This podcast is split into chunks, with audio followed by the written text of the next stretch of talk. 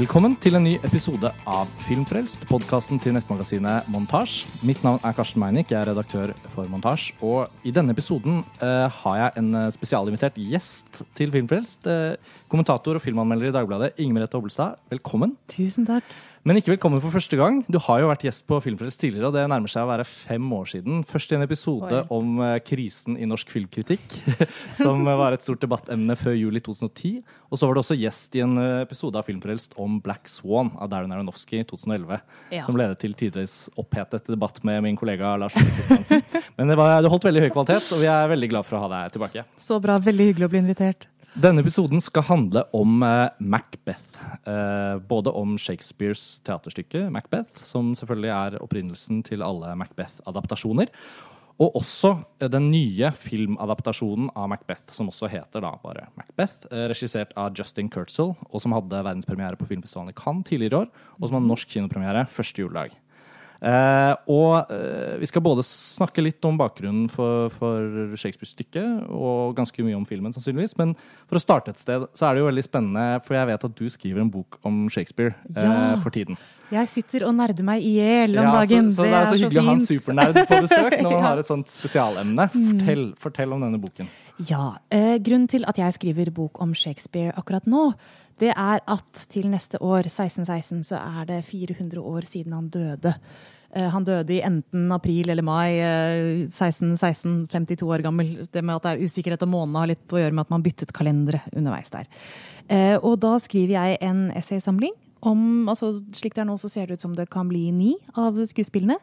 Eh, som på en måte er en bok for de som er interessert i litteratur generelt, og Shakespeare spesielt, men som ikke kan noe spesielt om han fra før. Så du skal ikke trenge å kunne Hamlet eller Macbeth eller Romeo Julie på, på fingrene. Der skal jeg holde deg i hånden og leie deg gjennom det.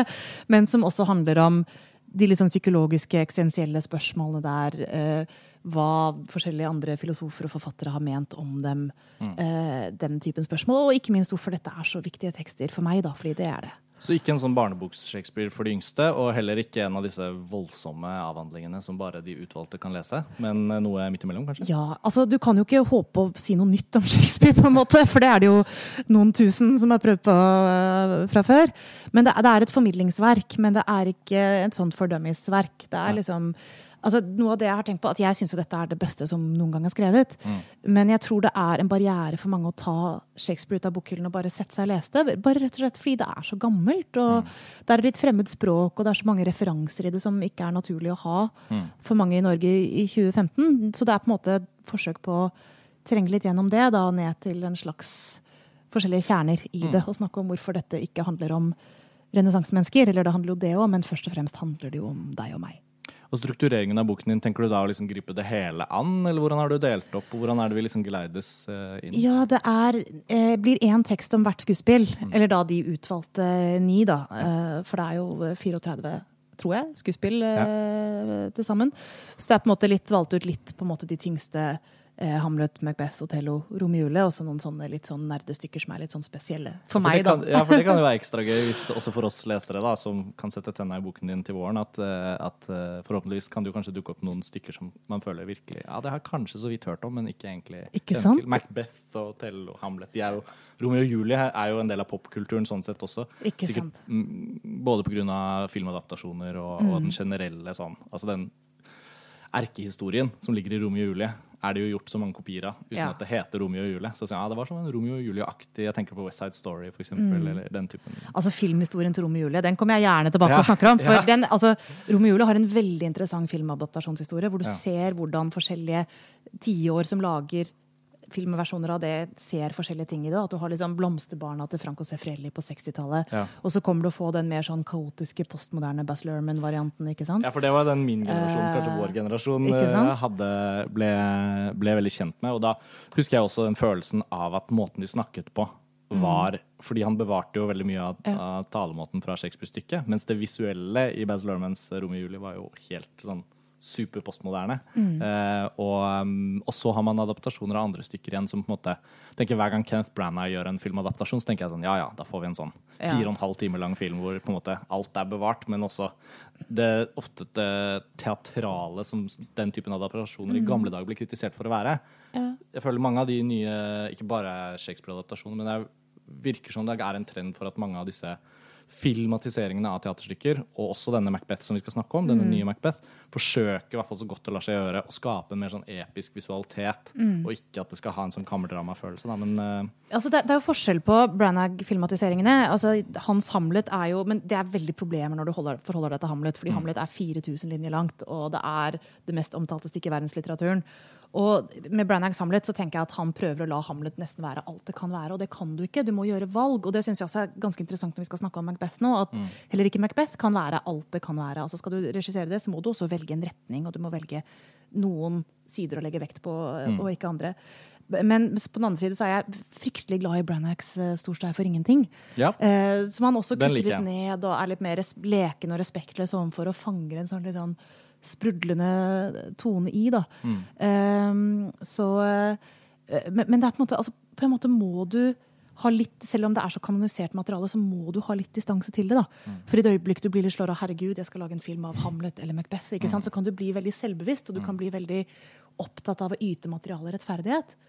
Og jeg tror de regissørene som lykkes med det, de må på en måte tenke ok, ja, men da er dette min.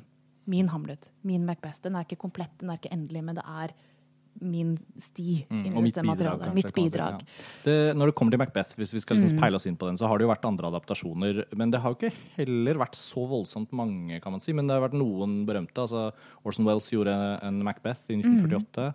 1948. Eh, Polanski har sin Macbeth, som var det første filmen han gjorde etter at kona var blitt drept av Charles Manson. Mm. Så den er farget av det. det er en sånn, sånn hans tungsinn. da. Og så har man uh, en annen berømt uh, adaptasjon, som er den eneste av de andre jeg har sett. må jeg innrømme. Det er altså Kurosawas 'Throne of Blood'. Som er en ren, altså Plottmessig så er den helt lik Macbeth, men der har han gjort en veldig sånn ja, japansk sånn mytefortelling. Og det, er, det er i føydaltiden, og det er samuraier, og det er på en måte alt det. Men når man setter det side om side med eh, teksten eller andre Macbeth-adaptasjoner, så ser man jo veldig klart likheten. Selv om det ikke er noen av replikkene til Shakespeare som er bevart. da. Jeg er veldig glad i Kurosawas take på Shakespeare sånn i sin Mm, For han var veldig opptatt av Shakespeare. Ikke sant? Og du har Ran, som er hans eh, King Lear, og igjen hvor han tar seg friheter med materialet. Men du merker at den veldig nøkterne skildringen av makt, da. Sant? Hvor man er veldig lite opptatt av hvordan burde det være. Er det den gode som vinner? Det er egentlig ikke noen, altså Selv om noen er veldig fæle, så er det ikke så mange som er så gode. Nei. Og at man tenker mer ja, men helt litt sånn illusjonsløst. Hva er det som helt konkret kommer til å skje hvis noen gjør den tingen som disse menneskene, menneskene gjør. Eh, og der er eh, Kurosawa, samtidig som han har veldig sans for skjønnhet og dette vakre, så er han veldig eh, lite romantisk da, når det gjelder det psykologiske, og det stemmer jo med, veldig godt med Han evner i hvert fall å lande kjernen ganske uh, godt. Jeg sant? ofte man kommer veldig sånn Oi, det er liksom de urspørsmålene Mm. som blir synlige. Uh, føler man veldig i Throne of Blood også. Um, men jeg tenkte på Macbeth sin del, altså stykket Mm. eh, Hvis vi skulle ta en sånn veldig veldig kort bare Hva handler Macbeth om? For jeg tenker det er helt sikkert mange lyttere som kjenner Macbeth, men som kanskje ikke nødvendigvis er 100 klar over hva plottet er, Mm. og som kanskje har lyst til å gå og se den nye filmen. Altså, sånn grovt sett Macbeth. Ja. Mac Macbeth. Skottland. Eh, Skottland. Jeg er i Skottland. Eh, og dette har jo for oss litt, også litt med å gjøre at eh, det var jo for ikke så mange, mange år siden da Shakespeare skrev dette, kommet en ny konge i England. Altså James den første. Han had, var jo skotsk, han hadde jo opprinnelig vært konge av Skottland. Og det gjør jo litt at Shakespeare begynner å skrive om britiske eh, omgivelser og, og spørsmål, ikke bare konkret engelske. da, og Litt at han går nordover til Skottland. Men eh, han er jo en tid lenge før sin egen tid, og hvor det da er en hærfører, Macbeth, som har vunnet et stort slag på vegne av eh, kongen, Duncan. Og på vei hjem fra denne krigen så møter han tre hekser. Han er sammen med sin venn Banco. Og disse tre heksene forteller ham Altså, han har en tittel. Han er Tain of Glamis, og de sier Hill Tain of Glamis. Og så sier de Hail Tain of Corder, som er en annen tittel som han ikke har. Og så sier de Hill Macbeth, som skal bli konge. Uh, og dette begynner å sette i gang tanker i Macbeth. altså det Hva er det de mener? Skal jeg bli konge? Er det det som er det jeg er ment å være? Og når han da kommer tilbake til kongen og får høre at denne mannen som hadde tittelen Tain of Corder, han er blitt drept, og kongen gir da han den tittelen, så begynner han jo, det begynner det for alvor å sette i gang. ikke sant? Um, og så er det uh, Snakker han da med sin kone, lady Macbeth, og det er jo da hun som egger ham Altså Han er veldig i tvil om hva, hvordan han skal forholde seg til denne spådommen. Uh, og hun egger da ham til å begå mordet på kongen for å kunne bli konge selv. Mm. Uh, og Macbeth begår dette mordet og blir konge, men blir jo gal av Altså Det er jo ikke skyldfølelse, men det er jo paranoia. Mm. Eh, tanken om at dette skal komme til å skje med ham, at alle vet at han har begått et drap, at han fortjener eventuelle hevnaksjoner mot ham. Eh, altså De er jo barnløse, som er et sentralt tema i denne filmen. altså mm. Hva har han egentlig gjort det for? Mm. Eh, og, og, så blir han jo setter han jo i gang med på en måte å forfølge alle han kan forestille seg i det hele tatt som kan komme til å vende seg mot ham. Og det gjør jo at om ikke folk var vendt mot ham fra før, så gjør de det i hvert fall nå. Mm. Eh, og så ender det da med at han blir nedkjempet i uh, i dette store slaget på slutten. Og han eh, vennen der som er med og ser mm. disse heksene, han får jo også høre at hans sønn en gang skal bli konge. Ja. Så der ligger de også i bakgrunnen og ulmer en sånn konflikt som blir til et fiendeskap da, ja. mellom han og Heksene sier jo til han Banco at du skal ikke bli konge, men dine barn skal bli det. Mm. Og for da den barnløse Macbeth så blir dette en besettelse. da. Det at har han gjort seg til morder mm. eh, på noe som bare Bancos barn kommer til å eh, nyte godt av. Mm. Og det er jo det også en sånn fantastisk litt sånn eventyrlig trekk ved, ved dramaet. Det er at han oppsøker disse heksene igjen når han er på sitt mest eh, paranoide. Mm. Eh, og så sier de til ham at du skal ikke bli beseiret før eh, Burnham-skogen kommer gående mot Dunsinane, mm. og ingen mann som er født av kvinne, skal drepe deg. Og dermed så får jo Macbeth en desto større dødsforakt, for da tenker han da er, jeg, da er jeg jo trygg. Dette kommer ikke til å skje. Men det som da skjer, det er at hæren, når den nærmer seg, sager ned grener av mm. Burnham-skogen for å skjule seg når de nærmer seg borgen. Og at den mannen han til slutt møter på slagmarken, er jo en som ble tatt med keisersnitt.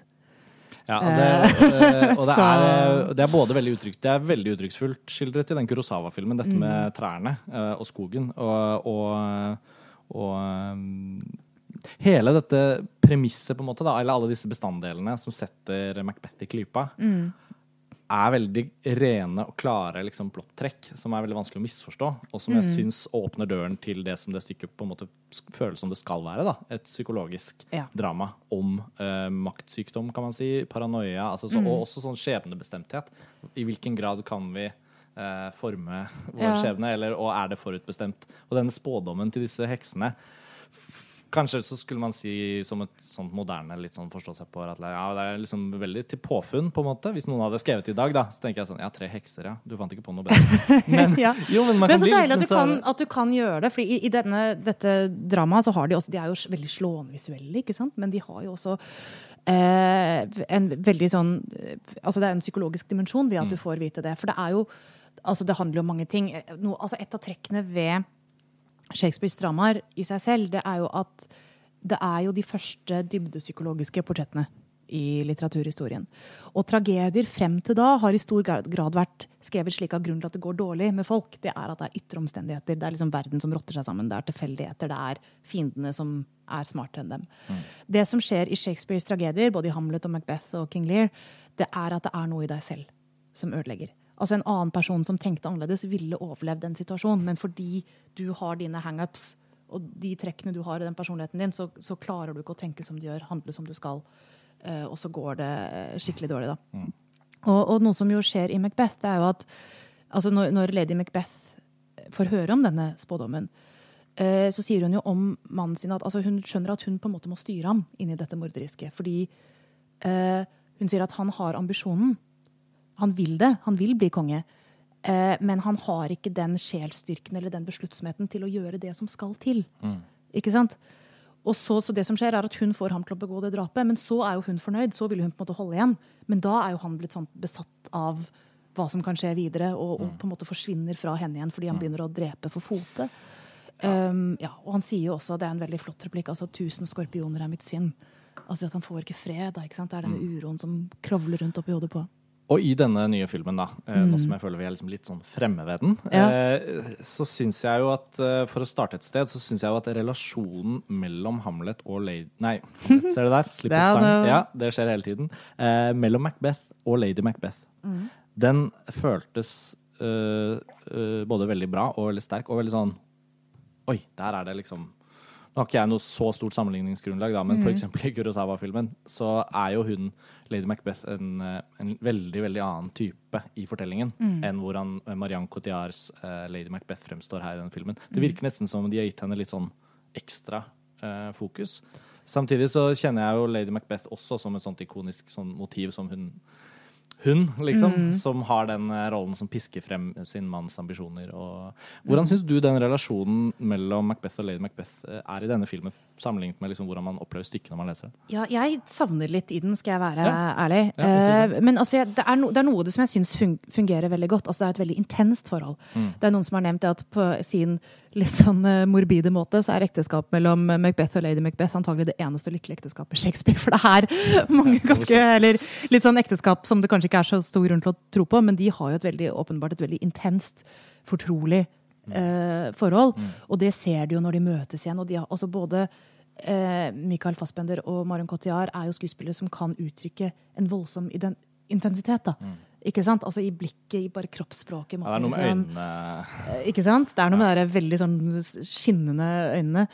Um, og så er det noe ved Jeg er veldig begeistret for Fassbender i denne filmen. Og så er det noe ved Maren Cotillard som gjør at hun blir litt mye av en fanatiker for meg. Altså blir litt den stivheten i det blikket og den på en måte litt sånn Og, og besettelsen. Men de er jo besatte, så det er, det er ikke feil.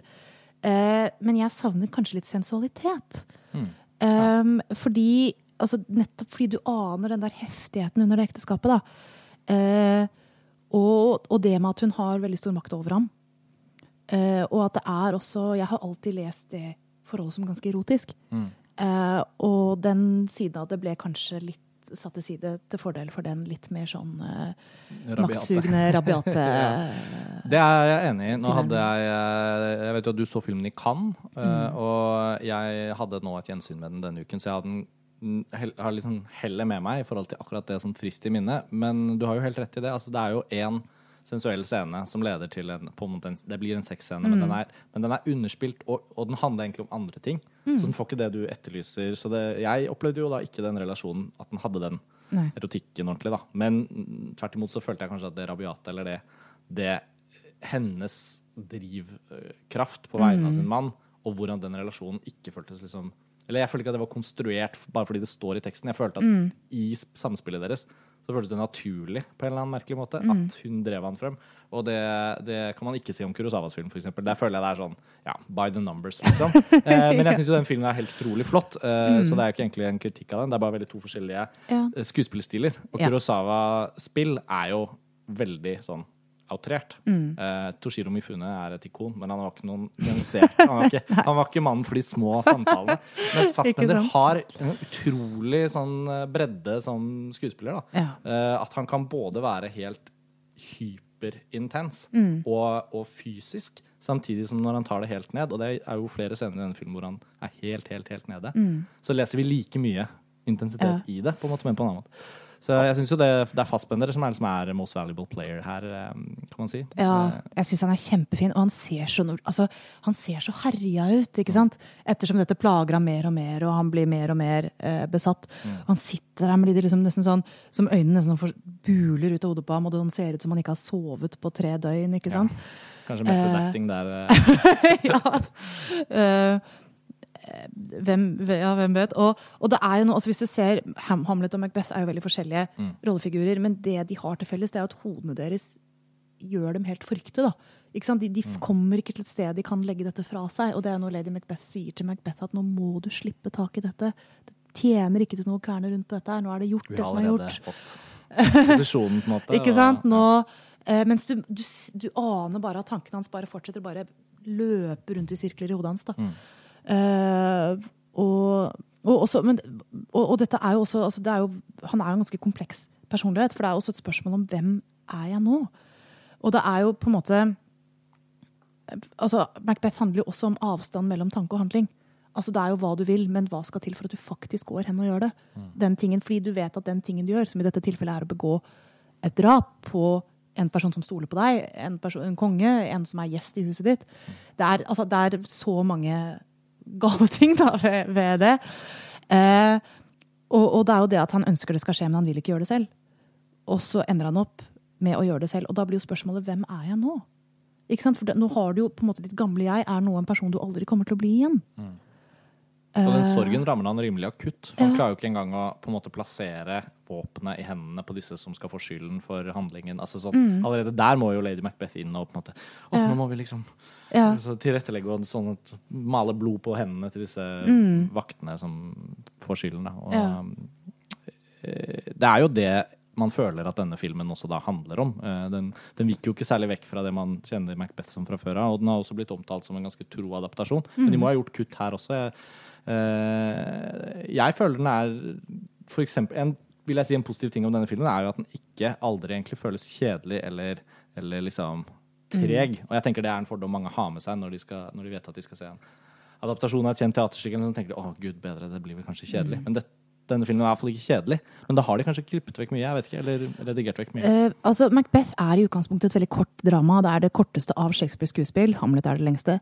Uh, og, så det er på en måte veldig takknemlig å lage filmmanus av. Og likevel har de kuttet og byttet om og, og stokket litt om på det. Eh, og jeg har ikke noe stort altså, problem med det. Det eneste er at du, du, det er noen fantastiske monologer der du kanskje mister noen sånne eksistensielle dimensjoner, men det du da får på en måte i stedet, er jo nettopp en veldig sanselig film. ikke sant? Hvor Eh, og disse store tablåene fra slagmarken. Jeg syns det er et veldig godt valg at du får med slagmarken. da. Ja, Eh, virkelig. Eh, Det kan man jo si. I åpningen av filmen så er det jo et helt utrolig sånn, en slagscene som eh, måler seg helt med de mest sånn episke hva skal man si, fantasy- eller krigsfilmene vi kjenner. Eh, og fotografen Adam Arkepo, som har jobbet med Justin Kurtzel tidligere på Snowtown, Mm. og som også har gjort en veldig fin film som heter Law, en sånn uh, tysk eh, en sånn rømling i Nazi-Tyskland rett etter andre verdenskrig. Um, en veldig sånn poetisk og sanselig visualitet. Men når de store slagsundene liksom igangsetter filmen, så får man jo en voldsom sånn følelse at wow, dette skal ikke bli noe sånn teaterkammerdrama. Det blir tvert imot en veldig sånn spenner opp et veldig stort lerret mm. og tar bruk landskapet på en uh, nydelig måte. Men det ligger vel også i stykket, regner jeg med. Absolutt. Og det, men altså, du, du- i stykket ser du ikke slaget, så det er jo eh, Men det ligger jo hele tiden det at eh, At det er en slitenhet ved det å gå ut og gjøre den typen ganske fryktelig arbeid på vegne av denne kongen da, hele tiden, og at det er, er uh, livet ditt. Og i, det er kanskje noe som er mest antydet i, i drama, men det Altså, jeg intervjuet Justin Kersel i, Ja. i Cannes, og han snakket jo om det at han er opptatt av det med å være ambisiøs. At det er ikke bare å lengte etter noe, det er også å lengte seg vekk fra noe. Eh, altså Kanskje handler det ikke bare om at du skal få makt, få posisjon, men at du, du vil slippe å gå i krigen. Eh, og at det derfor var veldig om å gjøre å vise frem eh, det veldig harde livet som soldat. Da, det at du står der i regnet, i tåka, i time etter time og kjører sverdet ut og inn av andre mennesker.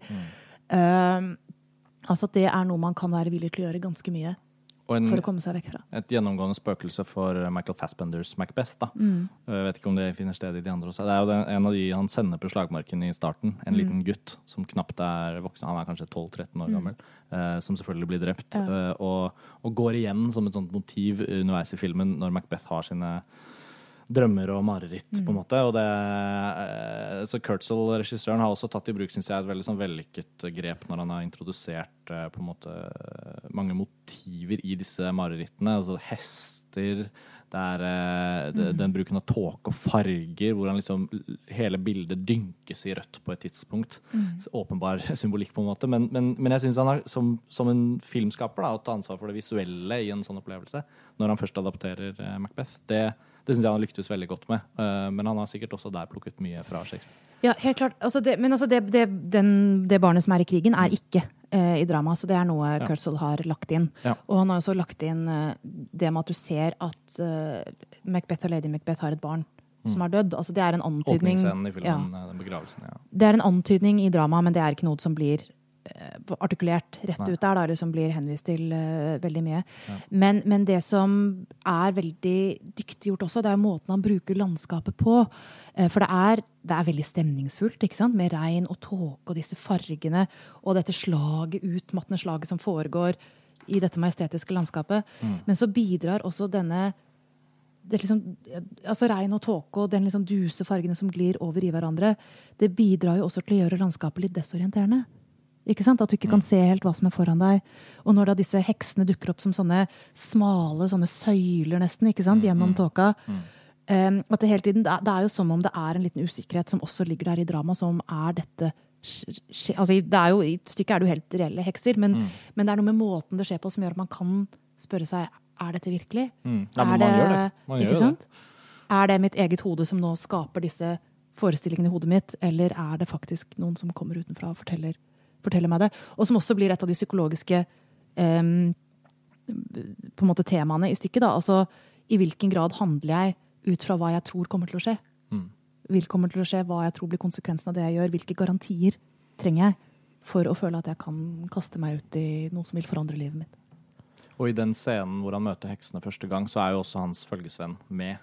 Så de er på en måte to som ser Ja, det. Og, ja. og da får man jo også den følelsen at ok, det er ikke bare altså det er nesten, ja, ok, så det er ikke bare i hodet på Macbeth. Nei, ok, det sprer seg liksom mer, da. Og jeg syns, um, jeg syns den biten er, er eh, bare liksom Altså Man er jo veldig inni den verden, så det er ikke noe sånn farlig at det kommer noen onde ånder eller hekser. eller Det er jo ikke sånn at realismen akkurat blir brutt. Men det der med å få til den balansen, sånn at det ikke blir en én-til-én-skildring, det er jo en styrke ved filmen, syns jeg. Og i tillegg så syns jeg man kan snakke litt om poesien her, fordi det er noe jeg tok meg i nå bare for noen dager siden. Jeg tenkte på at vi skulle snakke om det, så tenkte jeg sånn at man glemmer jo at William Shakespeare Man tenker sånn dramatiker, de kjente stykkene.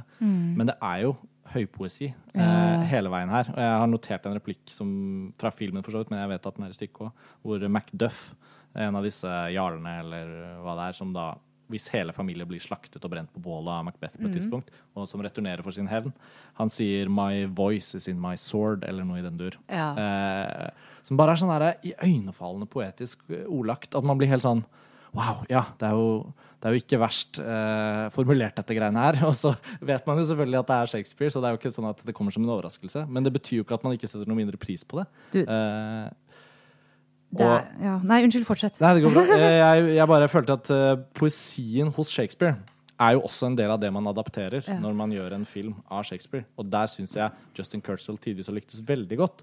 Mens på et tidspunkt og i denne filmen så kjennes den overdrevent uh, poetiske visualiteten også nesten litt sånn kitsch. Uh, I hvert fall jeg hadde et øyeblikk der men, hvor jeg tenkte at dette, dette går dette går litt over bordet òg. Altså, han blir litt forelsket i sine egne ideer når det kommer til liksom, de visuelle løsningene.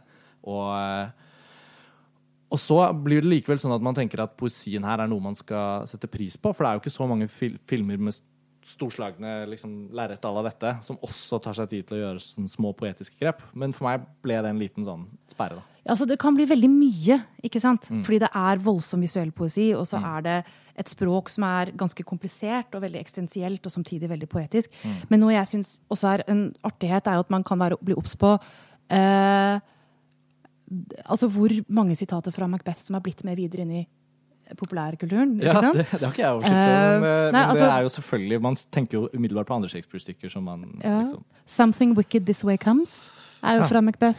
Eh, Is this a dagger I see before me? Eh, eller så kanskje eh, et av mine yndlingssitater når bare eh, Lady Macbeth har dødd, og fiendene nærmer seg slotten, slottet, og alt på en måte har rast, da. Så sier jo eh, Macbeth Life's but a walking shadow, a poor player that struts and frets his hour upon the stage, and then is heard no more. It is a tale told by an idiot, full of sound and fury, signifying nothing. Eh, som er en ganske heftig eh, replikk. Og eh, det er jo også da, for de som kjenner den litteraturen, det er jo også tittelen på William Faulkners roman 'The Sound and the Fury', her, som kommer derfra. Ja. Litteraturhistorien er sammenvevd. Larmen og vreden, som Ja. jo er det det, det, det er slik det er oversatt på norsk. Og en liten sånn ting Jeg pleide å spille et, et uh, dataspill som het Puzzle Pirates. Ja. Og der var det sånne hvor du fikk Det sånne er ingen skam i det. Eh, Nei da, det er tidligere gamere må stå for det. Ja, ja. Og der var det, hvis du klarte ting, så får du sånne forskjellige sånne skrytemeldinger fra liksom spillet. Mm. Og for hvert trinn du klarte, så sto det uh, bubble, bubble, toil and trouble, fire burn, cauldron bubble. Og selv om jeg kan Shakespeare, så var det faktisk først jeg leste stykket om henne nå, at jeg så at det er jo heksene fra Macbeth. Det er deres replikk som Ja. kommer i sånne porsjoner uh, i det spillet. Så det er massevis av ting her man vil kjenne igjen ikke sant, fra Ja. rundt seg, hvis man uh, med seg det. Jeg føler, jeg føler at denne Vi var jo inne på det innledningsvis. altså Det er mange adaptasjoner av flere av Shakespeare sine stykker, og filmhistorien eh, på en måte er, er, er for så vidt rik på det, men jeg føler ikke at det nødvendigvis er eh, nok. da. Altså Shakespeare, som vi har vært inne på, er så eh betydningsfull, og hans eh, påvirkning på ettertiden er liksom det er på en måte nesten parodisk å drive og Ja. uh, sette fingeren på eller si det er han har hatt stor betydning. Men Du blir ko-ko av å lese det, for da ser du det ja, overalt. nettopp. ikke sant? Og det tenker jeg tenker på deg, stakkars, som skriver boka. Mm. Det må jo være litt av en uh, balansekunst. Men, jeg, men jeg merker i hvert fall bare at nå kommer det en ny Macbeth-film, og, og man ser den, og den kommer på kino, og så kjenner jeg ja. Ja. Mm. Kult at dere har prøvd en gang til. Eller nå fikk vi se Justin Kurtzels versjon, liksom, og, og jeg tror den vil være være en kombinasjon av det, det man går for å se på kino. Altså en stor visuell opplevelse. For han har virkelig brukt tid på det visuelle. Samtidig som han får en, en veldig godt spilt Macbeth. Mm. Uh, som jeg tenker, Det er vel ikke en selvfølge, det heller. For det er ganske vanskelig Det er jo ikke bare bare å Nei. naile det, liksom. Absolutt ikke. Og jeg tenker også at kunsten som du sier da, kunsten er å holde litt igjen. For det er så eksistensielle, svære poetiske replikker at du kan gi jernet veldig. da, og Mm. Og eh, personlig foretrekker jeg det når det høres som man tenker og føler høyt. Mm. Eh, at man liksom kjenner litt på disse tankene og følelsene mens man får dem. Der syns jeg Fassbender er kjempegod. Mm. Eh, men så er det en annen side av det. For det er jo hva er det ved denne adaptasjonen som gjør den til en tydelig 2015-film? Altså, for det var litt interessant, Jeg tenkte det da du snakket om disse tidligere filmene i sted, at det er jo så lenge siden de er laget alle sammen. De som på en måte er sånn toneangivende Ja. Macbeth-filmatiseringer. Det er andre som har kommet imellom, men jeg Ja. føler de mest berømte, Ja. de som virkelig har festet seg, det er de, de Ingen, tre. ja, det har ikke kommet noen liksom stor, stor, Nei. store, Det har vært mange betydningsfulle Når man slår det opp, så er det liksom en Macbeth Ja. hvert femte år cirka, men de Ja, men ikke, ikke som du sier, ikke som har festet seg. Eh, og det er jo særlig to, to ting tenker jeg, som jeg, jeg syns er veldig interessant at Kersel legger vekt på. Det ene er jo, eh, det sa han da jeg intervjuet ham, at når Macbeth ser Bancos spøkelse For han får jo Banco drept, altså denne vennen som er med ham. Og og skulle det være noen tvil, altså det er en fordel å vite plottet i Macbeth før Ja. man ser filmen. Jeg, jeg håper Ja. ikke det er noen som nå blir sånn spoiler eh, det, kan, det er greit med Star Wars, men Macbeth og Shakespeare, der tenker jeg det er mye mer interessant å snakke om hva som foregår. Ja. Mm. Altså, og Shakespeare er litt som sånn eh, andre verdenskrig. altså Du trenger ikke å si at andre verdenskrig sluttet 1945. Nei, nettopp, Spoiler alert! nettopp, og nettopp. litt sånn med, med Hamlet og Macbeth. Og, ikke sant? Ja. Eh, og jeg har inntrykk av at det er litt sånn med, med disse stykkene også, da. Um, men, men Kurtzel snakket om det at han så for seg, når Macbeth ser dette spøkelset, at han sammenlignet det med folk som har posttraumatisk stressyndrom. Som har kommet hjem fra krigen. Altså at du ser plut, altså Plutselig kan du se Du kan gå rundt et hjørne i London, og det er som du er tilbake i Fallujah og ser folk bli drept. Og at når, når lady Macbeth sier at for det sier hun i den scenen at nei, nei, for det er gjester til stede. ikke sant? Og Macbeth begynner å snakke om nei, hvor, hvorfor står du der? Altså, Han ser jo dette spøkelset som ingen andre ser. Og så sier lady Macbeth til gjestene, hun prøver på en måte å redde dagen og sier at nei, nei, han får sånn anfall iblant, han er sånn, bare sitt ned, ta det med ro, spis videre. Eh, og i det så mente Kurtzel å se liksom at dette kan tolkes som scenereaksjoner også fra en som har vært i krigen, da, og hjemsøkes av det. Som er en veldig naturlig måte å, å, å se det på. Det Eh, var sant? jo sannsynligvis de samme symptomene den gang, bortsett fra at da hadde de kanskje ikke en diagnose på det, eller, eller kalte det for noe spesifikt. Så kan det ikke ha vært noe lettere å være i krigen. Kanskje verre, Ja. eh, kan man si. Altså, det, det, jeg tenker at det er en interessant tolkning. Da. Det er en interessant mm, linje å trekke fra soldater som kom hjem fra krigen i 2015, til Shakespeares drama. Og så er det det at han legger slik vekt på barna. Eh, og det er også et veldig tydelig motiv i stykket. Altså, som sagt, eh, Macbeth og lady Macbeth har ikke barn. Og når de går etter sine fiender, så går de også etter barna deres. Som er en veldig uhyggelig side av, av eh, Macbeth. Og, og hvor man aner nesten en sånn underliggende hevngjerrighet over at alle disse andre adelsmennene har noe som de ikke har. Eh, nemlig at de har det i livet sitt, og at det er de man etterkommere. Um, og, og, det jo, altså, og det er jo noe Kurtz legger veldig vekt på. Altså, du ser jo når han går etter eh, denne fienden Macduff og hans kone og barn, så blir jo de drept på en mer bestialsk måte i filmen enn de blir faktisk i skuespillet. Ja, for det er jo en forferdelig grusom scene. Ja. Hadde det ikke vært at eh, Game of Thrones varmet oss opp med brenning av barn tidligere tidligere i år, så hadde jeg kanskje reagert enda verre på det. Men eh, kanskje det er en trend i tiden at brutalitetene mm. skal skrus opp. Mm. Det har vel pågått over en stund, i filmmedia i hvert fall, at Mm. eh, det voldelige skal liksom gjøres maksimalt voldelig. Og det er jo denne Macbeth-adaptasjonen er jo veldig voldelig. Veldig voldelig. Og hvor, hvor Kurtz, som jeg sier det også hvor han snakker litt om det selv også, snakker om det at hvis man ønsker, altså i dette tilfellet har hatt et barn, eller ønsker å ha barn, øh, og ikke har det. At det er et eller annet tomrom der, og hva Altså ikke, så åpenbart ikke folk i sin alminnelighet, men dette litt sånn morderisk anlagte paret, da. Ja.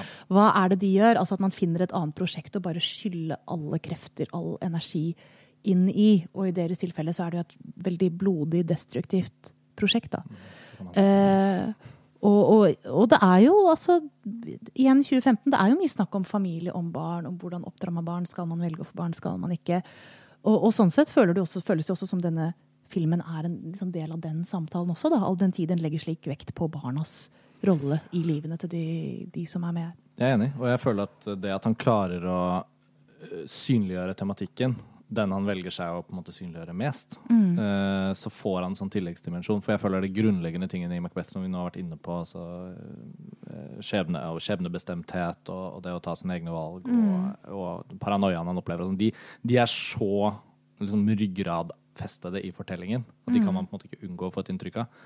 Men uh, ja, også særlig når du sier det òg, så tenker jeg også at det, det er jo understreket egentlig alle stedene i filmen hvor det fremkommer barn. Og til og med en av heksene er vel et barn. Ja. Uh, og, eh, og det er barnet til Banco uh, som også får avslutte filmen helt til slutt. Ja. Plukke opp sverdet på, på slagmarken der. Og mm, ja, jeg føler den står igjen som en film jeg setter veldig pris på, samtidig som det er jo også sånn at jeg kjenner at det på en måte den stiger liksom ikke opp til å være en av årets beste filmer for meg. Hvis du skjønner hva jeg mener, hvis du sammenligner med alt annet. da. Og da, Jeg satt og tenkte litt på det før i dag. Altså, hva er det liksom som gjør at jeg ikke føler at den var uavhengig av Shakespeare og dette, da, men bare som en film? Altså, og da føler jeg vel kanskje at det går noe på at han, in, han insisterer som filmskaper veldig på ideene sine. Når det kommer til liksom bruken av saktefilm og slagscenene og den dramatiske intensiteten og på alle mulige måter, så har han jo lyktes godt. Men for meg personlig så kjente jeg at det ble en liten overdose. Ikke ved at filmen var for lang eller at det var kjedelig. Det var ikke noe av det. Men jeg bare kjente sånn I get it. Ja. På et eller annet tidspunkt. Jeg vet ikke hvordan du Jo, jeg, jeg er litt enig. Og jeg, jeg har et annet litt sånn problem ved filmen også. Det er at han legger Av en eller annen grunn jeg ikke forstår helt, så er han opptatt av det kirkelige. Altså det religiøse. Det er på en måte en kors og, det er- kors og ja. at, at det på en måte blir en, en del av det som nager i hvert fall Lady Macbeth. Eh, at det er skyggen av korset som faller over henne. Og, Mm. Hun har jo en veldig sånn intens scene der i, på Mm. kirkegulvet hvor hun, tårene liksom fosser ut av øynene hennes. Ikke sant? Og, og jeg kan ikke helt se at det altså, Du kan si at nå skal ikke en film måles opp mot hvorvidt den er tro mot teksten. Det virkelige, viktigste er at den fungerer på sine. Ja, og egentlig at den Premisser? seg. Ja. Eh, men, men jeg kan ikke se at det er så tydelig til stede i dramaet. Så det er noe han har valgt å måte, legge inn og legge vekt på. Og for meg blir det litt av en distraksjon. For jeg syns det fascinerende er det psykologiske. Altså hvordan disse to forskjellige menneskene reagerer på hva de har gjort. Da. Og det, og det liksom ved at ved å gjøre det som skal til for å bringe dem dit de vil, så ødelegger de også. Altså da, det de vil ha, er jo ikke lenger det de vil ha. Nei. Ikke sant? Fordi det kostet for mye. Altså det, det skapte så mye uro og så mye fiendskap og så mye blod på hendene at, at det blir umulig å dvele eller finne seg til rette i, i den nye situasjonen de Og er i. de mister jo også hverandre på, måte, Ja. på det tidspunktet før eh, Lady Macbeth eh, forsvinner. Så, så har jo de også mistet hverandre. Ikke så tapet er liksom komplett. Tragedien er liksom fullkommen. Ja, og du, du har sett dem som dette veldig samkjørte paret. Altså ikke, åpenbart ikke veldig hyggelig, ikke noen du vil være veldig nære venner med, men som I sin sjanger. i sin sjanger. Som veldig åpenbart har en veldig sånn nærhet og fortrolighet til hverandre. Og, så, og den tingen de da gjør, splitter dem jo fordi de reagerer så ulikt Mm. på den forbrytelsen. Da. Jeg sa til deg at vi skulle sikte på å snakke i ca. en halvtime om Mm. Macbeth. Det har vi egentlig gjort nå. Eh, Jeg kjenner vi har vært innom veldig mye og kanskje skal begynne å avrunde. Men, Ja. men kjenner du at du brenner du inne med noe mm, knyttet til denne Macbeth-filmen? Eller Mm. andre Macbeth-filmer eller andre Shakespeare-relaterte ting? Boken din kommer jo i mai, Ja. så det syns jeg er viktig å reklamere for. Alle som lytter til dette, må jo da notere seg. Shakespeare-boken for, frem, eh, Shakespeare-boken fremfor noen. Åh. Hvis du bare skal lese én Shakespeare-bok i 2016, så er det Ingrid Hobbelstads Hvis du bare skal eh, lese én utadvendt beskrivende essaysamling om Shakespeare Ja. i 2016, så håper jeg det blir min. ja, men Det er så spennende at du Eh, skriver den boken. Vi gleder oss til å lese takk. det. Eh, Du er jo ikke ferdig ennå, så jeg vet at du har, eh, har eh, tatt deg en time fri for å være med på dette. Jeg Ja. håper, på en måte, Forhåpentligvis så kan jo denne samtalen være en slags sånn herre kvern, en liten sånn eltende ting i Ja. prosessene dine. Jeg kan jo nevne en liten anekdote inn på slutten her, hvis Gøy. det, om, eh, om Macbeth. For Macbeth var eh, altså Det har vært nok av Shakespeare-entusiaster i historien, men en av dem var jo Abraham Lincoln. Og han hadde Macbeth som sitt absolutte favorittstykke. Og det gjør jo også at folk i ettertiden Men han har ikke skrevet så mye om det, han har bare skrevet i brev og sånn 'Jeg syns Macbeth er fantastisk, det er ingenting som overgår Macbeth'. Og da har jo folk tenkt seg i hjel i ettertiden på hvorfor Lincoln var så glad i Macbeth, for det er ikke helt klart. Er det skrevet egne bøker om det også, kanskje? Det er skrevet bøker om det òg. Og, eh, og hvor noen mener at Lincoln kjente seg igjen i skyldfølelsen. Altså, han hadde jo vært en førende kraft i borgerkrigen. ikke sant? Altså Mm. Det å ha sendt menn ut i krig, og hvordan man forholder seg til det. Eh, mens andre mener han at, at Lincoln antagelig mest var fascinert av fremmedheten i det. da, Nettopp at det er skildringen av et forbrytersk sinn, og hvordan det eh, Mm. kommer frem. Men hvis du har lyst til å se Abraham Lincolns yndlingsstykke, så er det altså en mulighet til det. Ja, veldig bra for Lincoln-fansen der ute. Mm.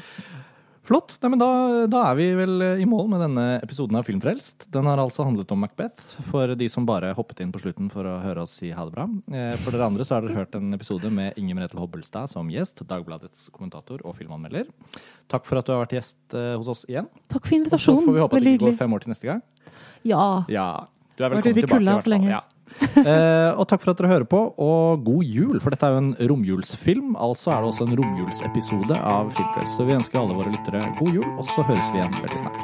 Ha det bra!